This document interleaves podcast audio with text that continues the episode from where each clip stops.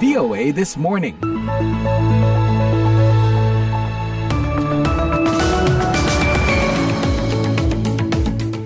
Halo selamat pagi, apa kabar? VOA This Morning kembali menyapa Anda pagi ini live dari Studio 17 VOA di Washington DC bersama saya Rifan Dwi Astono. Semoga hari Rabu Anda di tanggal 9 Agustus 2023 ini dimulai dengan baik ya dan bisa ditutup dengan produktif juga. Nah seperti biasanya redaksi VOA sudah menyiapkan serangkaian berita hangat dari dalam dan luar negeri untuk Anda pagi ini. Di antaranya, Mahkamah Agung kabulkan kasasi Verdi Sambo dan menurunkan vonisnya dari hukuman mati menjadi penjara seumur hidup. Sebagian pengamat hukum mengamini putusan tersebut. Dissenting opinion dari kedua hakim agung tersebut, anggota itu menyampaikan bahwa mereka tolak kasasi. Artinya tolak kasasi itu tetap dengan hukuman mati. Apakah teknologi kecerdasan buatan dapat membantu kepolisian Amerika Serikat memonitor tindakan aparat melalui kamera tubuh yang mereka kenakan? Watching the video and talking to my law enforcement colleagues and, and friends, that's not the first time those officers have used that type of language or been in that type of situation. Jangan lupa siaran ini juga dapat Anda simak secara live streaming di situs kami www.voaindonesia.com atau dengarkan kapan saja dalam podcast VOA This Morning di platform podcast langganan Anda. Sebelum kita bahas lebih jauh dua informasi utama tadi, kita simak dulu berita dunia bersama Puspita Sariwati. Pendengar penangkapan pengacara hak asasi manusia Tiongkok Lu Siwei di Laos akhir bulan ini menyoroti risiko yang dihadapi para pembangkang ketika mereka melarikan diri dari Tiongkok melalui Asia Tenggara. Meskipun memegang visa Laos dan AS serta paspor Tiongkok yang sah, polisi Laos menangkap Lu ketika ia berusia, berusaha naik kereta ke Thailand pada 28 Juli. Lu berencana terbang ke AS dari Bangkok untuk bertemu kembali dengan istri dan anak perempuannya. Analis mengatakan insiden itu mencerminkan kondisi hak asasi manusia yang memburuk di Tiongkok dan yurisdiksi di luar Beijing, yaitu di Asia Tenggara yang telah lama menjadi titik transit umum yang berisiko bagi para pembangkang Tiongkok yang berusaha melarikan diri dari tanah air mereka upaya pemerintah Tiongkok um, untuk memperketat pengawasan terhadap masyarakat sipil mendorong lebih banyak pembangkang dan kelompok agama yang ditindas meninggalkan negara itu, kata Bob Fu, pendiri organisasi HAM China Aid yang berkantor di Texas kepada VOA. Fu menambahkan, Tiongkok menggunakan pengaruh ekonominya di negara-negara Asia Tenggara seperti Thailand, Laos, dan Myanmar untuk meminta otoritas lokal membantu menangkap dan memulangkan pembangkang atau etnis minoritas agar kembali ke Tiongkok. Gedung Putih pada hari Selasa mengadakan konferensi puncak keamanan siber pertama kalinya tentang serangan ransomware yang mengganggu sekolah-sekolah di AS. Serangan itu mencakup peretas yang membocorkan data pribadi para siswa seperti catatan kesehatan, evaluasi kejiwaan, dan laporan pelecehan seksual siswa. Every student deserves the opportunity to see a, a school counselor when they're struggling. Jika kita ingin melindungi masa depan anak-anak kita, kita harus melindungi data pribadi mereka, kata Ibu Negara Jill Biden yang juga seorang guru pada konferensi itu.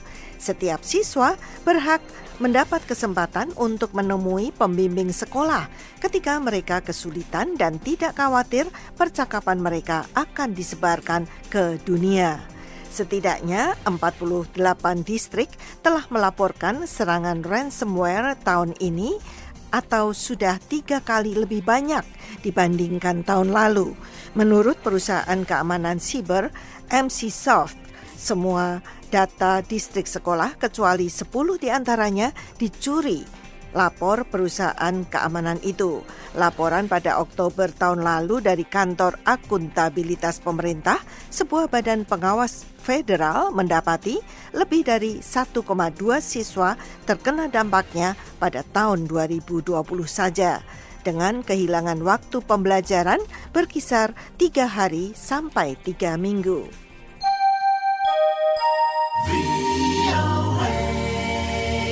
Pendengar kita ke Iran. Iran memperingati Hari Wartawan hari Selasa, sementara beberapa wartawan terkemuka yang tetap berada di balik jeruji besi.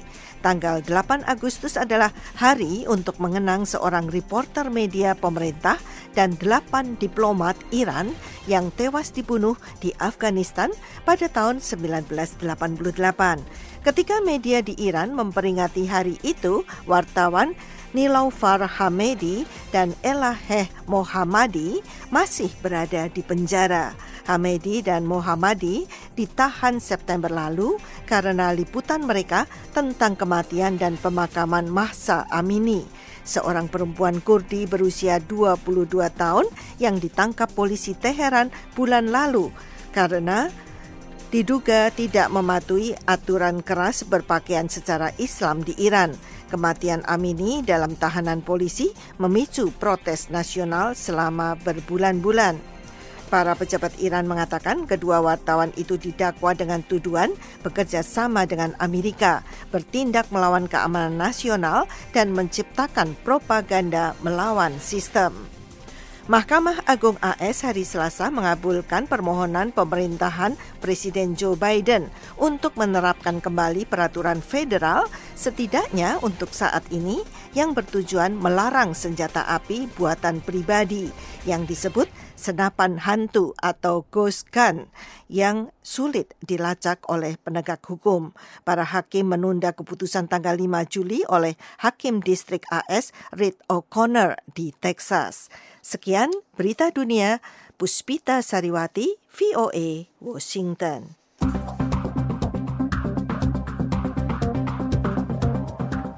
Masih di VOA This Morning, Mahkamah Agung menerima permohonan kasasi mantan Kepala Divisi Propam Polri Verdi Sambo menurunkan vonis hukuman terhadapnya dari hukuman mati menjadi hukuman penjara seumur hidup.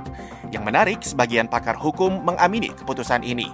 Eva Mazreva menyampaikan laporannya pada hari ini Selasa tanggal 8 Agustus 2023, Majelis Hakim Kasasi di Mahkamah Agung telah musyawarah dan mengucapkan putusan perkara nomor 813 Kapit 2023 terdakwa Perdi Sambo, amar putusan kasasi. Pendengar itulah petikan pernyataan Sobandi, Kepala Biro Hukum dan Humas Mahkamah Agung saat diwawancarai VOA melalui telepon hari Selasa, beberapa jam setelah ia mengumumkan putusan Majelis Hakim Mahkamah Agung.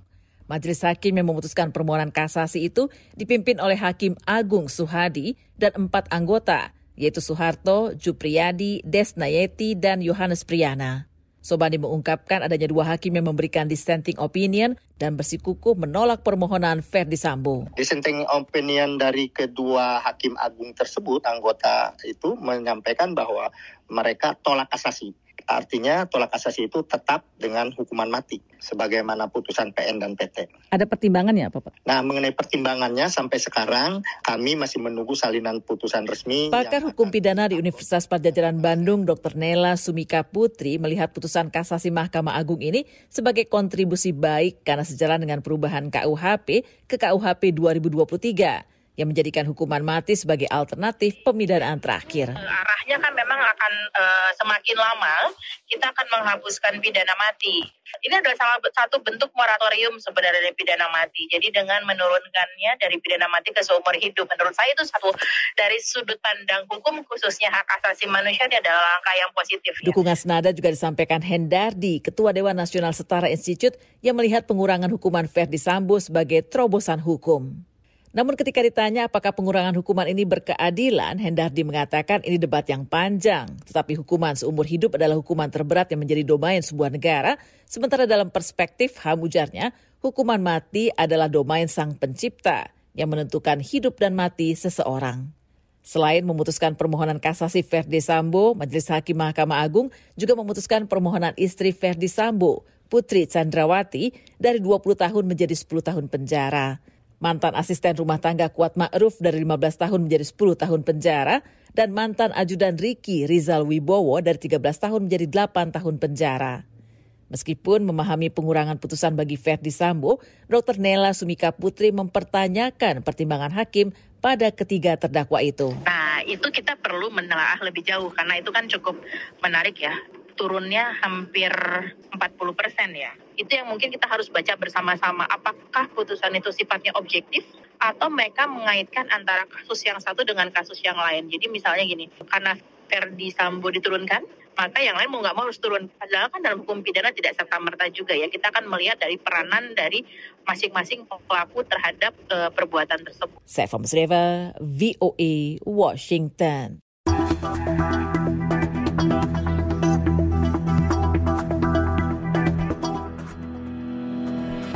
Dua tersangka warga negara Indonesia WNI dibekuk kepolisian Indonesia dan Jepang karena melakukan peretasan kartu kredit warga Jepang. Gita Intan melaporkan dari Jakarta. Direktur Tindak Pidana Cyber Bares Krim Polri, Brigjen Adi Vivit Agustiadi Bahtiar mengatakan pihaknya berhasil mengungkap tindak pidana kasus akses ilegal peretasan kartu kredit untuk pembayaran secara elektronik di Jepang yang dilakukan oleh dua warga negara Indonesia. Kedua tersangka, laki-laki berusia 40 tahun, DK dan SB diamankan di Indonesia dan di Jepang. Telah diamankan di Jepang satu orang pelaku atas nama tersangka SB. Kemudian setelah dilakukan pemeriksaan, kita kembangkan, kita alhamdulillah mengamankan satu tersangka DK yang berada di Indonesia. Kasus ini bermula dari laporan 8 warga negara Jepang kepada kepolisian setempat yang mendapatkan tagihan kartu kredit untuk pembelian barang elektronik yang tidak mereka beli di marketplace di Jepang yang bernama Bistock dan Sukumonet Shop. Barang-barang tersebut kemudian dijual oleh kedua pelaku dalam kurun waktu 2021 hingga 2023. Lebih jauh, Brigjen Adi Vivit mengatakan tersangka DK yang diketahui sebagai otak peretasan kartu kredit membeli piranti peretasan dari 16 Shop untuk meretas info kartu kredit dan akun lainnya seperti Apple, PayPal, Amazon, serta American Express. Hanya dengan membayar ratusan ribu rupiah dari 16 Shop, si pelaku bisa mendapatkan informasi bagaimana caranya meretas kartu kredit dan akun-akun lainnya. Dalam kasus ini, DK menugaskan SB untuk menghidupkan komputer di Jepang untuk kemudian dioperasikan oleh DK dari Indonesia. Selanjutnya, DK meretas akun-akun di marketplace di Jepang dengan total kerugian mencapai 1,6 miliar rupiah. Dalam kesempatan yang sama, Wakil Direktur Tindak Pidana Cyber Baris Polri, Komisaris Besar Dani Kustoni mengimbau masyarakat agar lebih waspada dan berhati-hati. Hal yang paling penting yang harus dilakukan warga di antaranya adalah mengubah PIN atau password secara berkala di kartu kredit dan di akun-akun lain agar tidak mudah diretas. Selain itu, tambah Dani, masyarakat juga diharapkan mengaktifkan layanan pemberitahuan dari bank atau kartu kredit yang dimiliki ketika sedang melakukan sebuah sebuah transaksi. Kita gunakan jaringan yang sifatnya private, tidak menggunakan wifi yang sifatnya terbuka. Biasanya kita ketika ke tempat-tempat publik, ya seperti tempat-tempat yang ada wifi yang sifatnya gratis, itu kita harus waspada. Jadi tidak mudah melakukan transaksi online, sehingga tidak mudah untuk identitas maupun password kita bisa diretas oleh pelaku kejahatan. Dari Jakarta, Gita Intan melaporkan untuk VOA Washington. Masih di VOA This Morning, pegiat reformasi kepolisian Amerika Serikat sejak lama berpendapat bahwa kamera tubuh yang dikenakan polisi akan membantu mengurangi penggunaan kekuatan secara berlebihan dan membangun kepercayaan masyarakat. Namun, rekaman body cam berdurasi jutaan jam itu sulit dipantau oleh pengawas polisi. Teknologi kecerdasan buatan alias AI pun dianggap dapat menjadi solusinya. Kamera tubuh yang dikenakan oleh polisi di kota Memphis, Tennessee merekam video bagaimana penghentian lalu lintas berubah menjadi mematikan. Lima petugas polisi menghadapi dakwaan terkait kematian Tyre Nichols. Ulasan rekaman kamera tubuh petugas tentu akan menjadi bagian dari proses pidana. Rekaman kamera tubuh jarang ditinjau, kata Anthony Tesone, CEO Trulio, sebuah perusahaan kecerdasan buatan. Dia berbicara dengan VOA melalui Zoom. To me, watching the video and talking to my law enforcement colleagues and, and friends. Bagi saya menonton video itu dan berbicara dengan kolega dan rekan penegak hukum saya, itu bukan pertama kalinya para petugas menggunakan bahasa seperti itu atau berada dalam situasi seperti itu. Tesone mengatakan perangkat lunak AI ciptaannya untuk kamera tubuh polisi akan membantu pengawas polisi melakukan intervensi lebih awal, sebagaimana penyelia di industri lain memantau interaksi pelanggan dengan karyawan mereka, seperti menelpon bank. So this idea of transcribing and analyzing Jadi ide untuk membuat transkrip dan menganalisis karyawan untuk meningkatkan layanan kepada pelanggan ini sudah ada sejak lama. Sistem kecerdasan buatan Truleo memberikan peringkat tinggi saat polisi menggunakan komunikasi formal seperti ibu, terima kasih, dan menjelaskan apa yang mereka lakukan. Truleo menampilkan bendera ketika petugas menggunakan hinaan, ancaman, atau kata-kata kotor. Di Colorado, Kepala Polisi Aurora, Art Acevedo, baru-baru ini memulai percobaan AI Truleo selama satu tahun. Tujuannya memuji polisi yang baik sambil mengoreksi perilaku perilaku yang berpotensi negatif. We'll be looking for those bad habits, those good habits, and presenting them to our officers. Kami akan mencari kebiasaan buruk itu dan menyajikannya kepada petugas kami sehingga mereka dapat belajar dari situ dan menjadi lebih baik. Serikat Kebebasan Sipil Amerika ACLU memperingatkan bahwa pemerintah perlu melindungi hak-hak kelompok yang mungkin dipengaruhi oleh analisis AI dari rekaman kamera tubuh polisi. Anaya Robinson dari ACLU Colorado mengatakan, We have to know exactly how they are using them, exactly how they are regulated, and exactly what they are. Kita harus tahu persis bagaimana mereka menggunakan AI, bagaimana persisnya penggunaan AI diatur, dan apa persisnya yang tidak boleh mereka lakukan dengan AI. Tujuan demikian harus dilakukan, kata Robinson, sebelum polisi mengadopsi penggunaan teknologi AI secara luas. Dari VOA Washington DC, saya Leona Triano.